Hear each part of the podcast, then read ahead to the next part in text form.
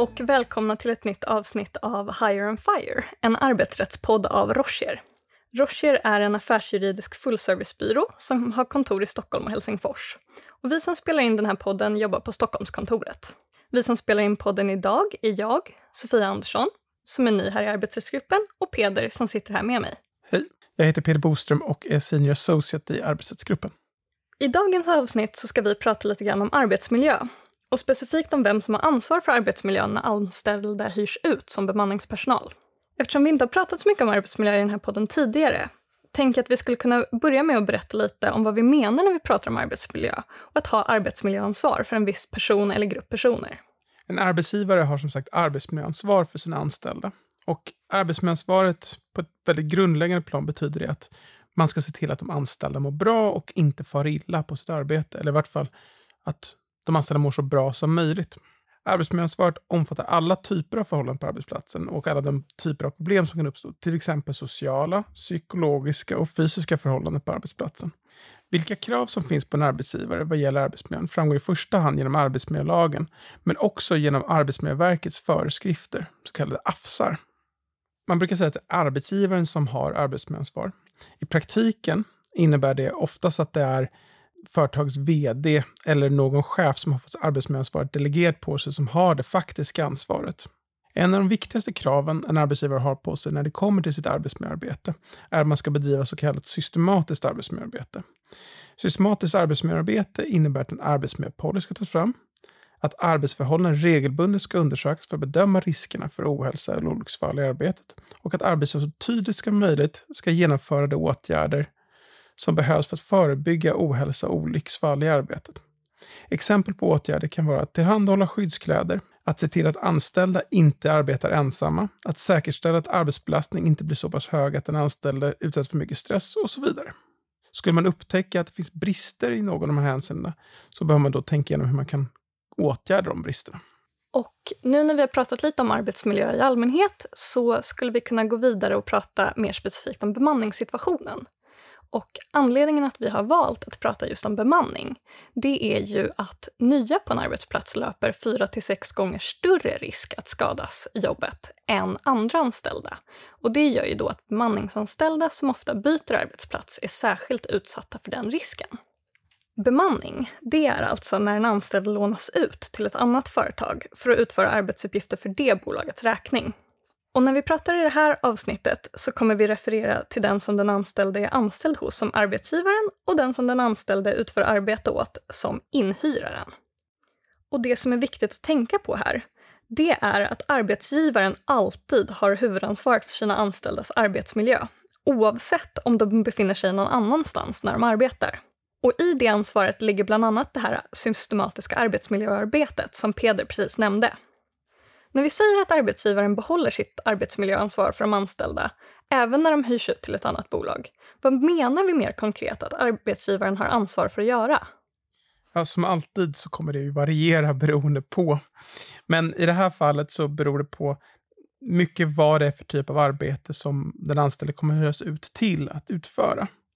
Några exempel på vad en arbetsgivare nog ändå bör göra innan en anställd hyrs ut till en annan arbetsgivare är att arbetsgivaren ska besöka arbetsstället och göra en undersökning av vilka risker man själv kan observera på arbetsplatsen. Arbetsgivaren bör även säkerställa att den anställde som kommer att hyras ut har de kunskaper och kvalifikationer som krävs för att kunna utföra arbetsuppgifterna på ett säkert sätt. Arbetsgivaren bör också ta hänsyn till den anställdes totala arbetsbelastning, om den ska hyras ut till flera inhyrare samtidigt, eller om det sker i flera olika uthyrningar i nära anslutning till varandra. Arbetsgivaren bör också säkerställa att inhyraren bedriver systematiskt arbetsmiljöarbete och själv tänker igenom vilka risker som finns i deras arbetsmiljö.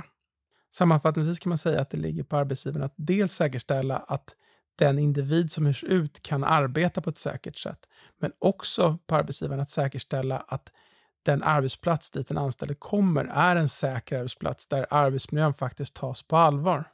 Och det här arbetsmiljöansvaret som arbetsgivaren har, det tar ju naturligtvis inte slut där när man har utrett innan eh, uthyrningen pågår att det är en säker arbetsplats. Utan arbetsgivaren har också ett ansvar för arbetsmiljön under uthyrningstiden. Under den här uthyrningsperioden ska arbetsgivaren hålla kontakten med den anställda och stämma av hur arbetet går och diskutera om det behövs något stöd. Det är också arbetsgivaren som är skyldig att göra anmälningar till Arbetsmiljöverket om någon allvarlig skada skulle ske, eller nästan ske, ett så kallat tillbud, under uthyrningstiden. Men det är ju ofta svårt för arbetsgivaren att påverka arbetsförhållandena i särskilt stor utsträckning när den anställde väl har påbörjat arbetet hos inhyraren. Av den anledningen har arbetsgivarens arbetsmiljöansvar kompletterats med ett ansvar för inhyraren. I arbetsmiljölagen står det att inhyraren ska vidta de skyddsåtgärder som behövs i arbetet. Och det betyder att inhyraren har ansvar för sånt som är direkt kopplat till arbetet som den anställde utför hos inhyraren. I inhyrarens ansvar ligger alltså att vidta alla åtgärder mot typer av risk som kan leda till ohälsa och olycksfall i själva arbetet. Det kan röra sig om risk att få ström i sig, andas in gifter, ramla från en ställning, brännas, utsättas för våld, lyfta tungt och så vidare. Inhyraren har också ansvar för att den anställde inte arbetar ensam om det går att undvika. Och annars att ensamarbete genomförs på ett sätt så att det minimerar risker. Inhyraren ska också bedriva systematiskt arbetsmiljöarbete för den inhyrda personalen under den tid de arbetar hos inhyraren. Man brukar säga att fördelningen av arbetsmiljöansvar vid bemanning är att inhyraren ansvarar för det kortsiktiga arbetsmiljöarbetet och att arbetsgivaren ansvarar för det långsiktiga arbetsmiljöarbetet. Och med det menar man att dagliga risker och risker som kan leda till direkta olyckor på arbetsplatsen, det är någonting som inhyraren ansvarar för. Och arbetsgivaren ansvarar för till exempel den långsiktiga arbetsbelastningen så att den anställde inte blir ja, utbränd eller liknande. Men då givetvis med det tillägget att det ändå ligger på arbetsgivaren att säkerställa inför en inhyrning att det inhyrande företaget har rutiner som säkerställer att den anställde ändå har en god arbetsmiljö under tiden som den anställde är på arbetsplatsen. Det är alltså så att både arbetsgivaren och inhyraren har ett arbetsmiljöansvar. Och för att det ska fungera i praktiken så krävs det såklart ett samarbete och en kommunikation mellan dem. Till exempel är det ju alltså arbetsgivaren som har ansvar för att den anställde har de kunskaper och kvalifikationer som krävs för att göra de aktuella arbetsuppgifterna. Men i det ligger ju också ett ansvar för inhyraren att väldigt tydligt beskriva arbetsuppgifterna för arbetsgivaren så att arbetsgivaren kan göra en bra bedömning av vilka kunskaper och kvalifikationer som faktiskt behövs. Det här kan man ju tänka sig är särskilt viktigt när det är fråga om långa uthyrningsperioder eftersom man då kan tänka sig att arbetsuppgifterna kommer förändras över tid. Även vad gäller andra delar av det systematiska arbetsmiljöarbetet så är det viktigt att arbetsgivaren och inhyraren kommunicerar så att ingenting faller mellan stolarna. Och om uppgifter i det systematiska arbetsmiljöarbetet saknas så är det också så att både arbetsgivaren och inhyraren kan ställas till svars för det. Ibland ser man exempelvis att en åklagare endast har väckt åtal mot den ena eller den andra. Men lagen begränsar inte möjligheten att ställa både arbetsgivaren och inhyraren till svars. Det för oss lite grann in på frågan om vad som kan hända om man inte uppfyller det arbetsmiljöansvar man har som arbetsgivare eller som inhyrare.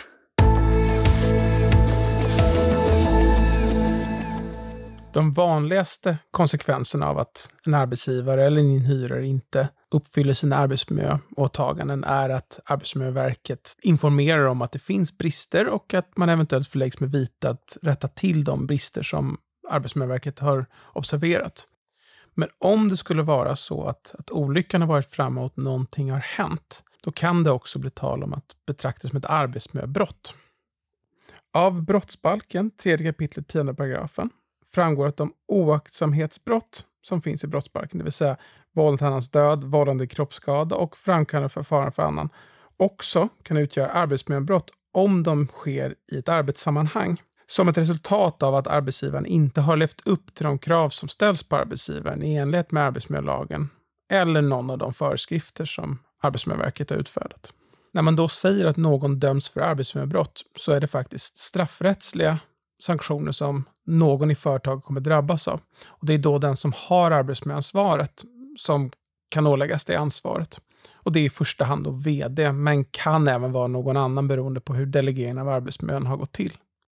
Företag som har brustit i sitt arbetsmiljöåtagande kan också drabbas av företagsbot. Och den här företagsboten kan i värsta fall uppgå till 500 miljoner kronor.